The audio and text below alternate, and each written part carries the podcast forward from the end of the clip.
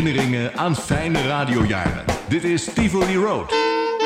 Met Mark Hermans en Ben van Praag. Luisteraars, goedemorgen. Mi amigo, de echte daar luister je naar. En uh, de zon schijnt op dit ogenblik. Wie hier ook bij mij staat, is Mark Hermans. We staan hier alle twee met een muts en handschoenen. Maar door dat zonnetje is het uh, allemaal uh, verdraaglijk. Ben, ik had je verteld hoe ik door die burgerband dan iemand had leren kennen van de Jukebox firma. En dat ik dan bij mijn eerste Radio Benelux ben terechtgekomen. Ja. Bijna in de slaapkamer van de baas uh, van de radio. En dan heb ik toen mijn eerste het, uh, programma gedaan. Dat is je zou een heel lang verhaal kunnen vertellen, maar in het, in het kort gezegd, na een, een tijdje kwam die baas van Benelux Radio in de problemen, omdat dat toch ook wel allemaal een beetje geld kostte. En er waren ook problemen met het gebruik van die naam Benelux. Dus moesten er twee problemen opgelost worden, het financiële en een andere naam voor de radio. Ik was als student werk gaan doen uh, bij uh, iemand, eigenaar van een, een tv-zaak, die televisies herstelde. En ik werkte daar als student. En die was ook begonnen met het verkopen van uh,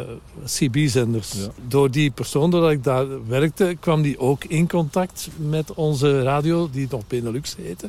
En die was wel bereid om het geheel te gaan sponsoren. Dan was het probleem opgelost dat we geen geld hadden. En die kon dan als werkstudent eigenlijk betaald radio gaan maken. Ja, ja. Uh, we hebben dan een naam gezocht die verbonden was met de stad waar we uitzonden, Antwerpen. En die naam die werd Radio Brabo. Veel van gehoord. Inderdaad. En uh, we hebben toen een ploeg rond ons verzameld. En ja, we hadden dan door de sponsoring van de baas van de tv-zaak, die we dan Willy de Knipper zijn gaan noemen, uh, hadden we geld om bijvoorbeeld uh, een mooi ontwerp te laten maken, een logo voor de radio, stickers uit te brengen, een, uh, een bladje voor mensen die lid wil, wilden worden. En dan zijn we beginnen radio maken. het was heel avontuurlijk, want het mocht niet. Ja. Wat deden we dan? We huurden gewoon in een flatgebouw van 22 verdiepen hoog een appartement waar dan een zender werd gezet en een uh, kabel naar de antenne die dan op de 22e verdieping stond. En met een laag vermogen, 20 watt, kon je dan uh, een gigantisch zendgebied bestrijken. En op verschillende plaatsen werden de programma's opgenomen op, op, uh, op een cassette. En dat werd dan daar in het appartement met de cassettedek uitgezonden. Ja. Zodanig dat er geen medewerkers konden gearresteerd worden. Was dat in Antwerpen zelf dat dat gebouw stond? Dat was in Antwerpen zelf. Uh, in de buurt van de Ring staat zo'n gigantisch uh, groot appartementsgebouw aan de Brederode straat. Daar zaten wij dan. Uh, er was ook in die tijd heel veel een strijd tussen de radio's die in Antwerpen uitzonden. Ja. Een concurrentiestrijd.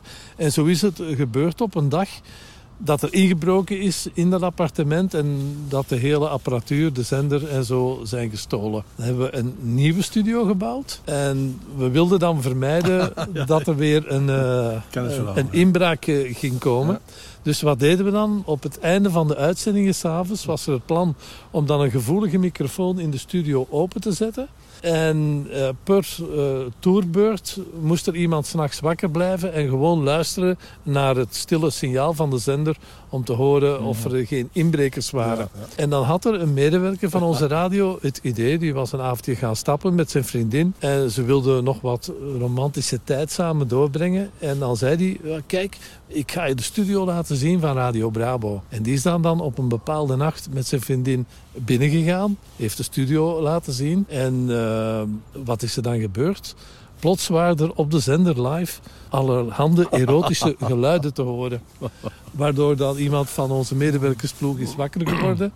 En dat uh, ja, ja. koppeltje is gaan betrappen in de studio. Het is een legendarisch verhaal geworden.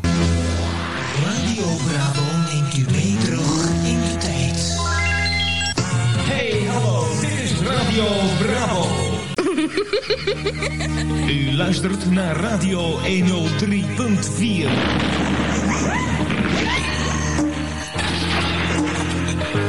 Dit is Radio Bravo. Tot 11 uur koffiepauze met Mark Hermans.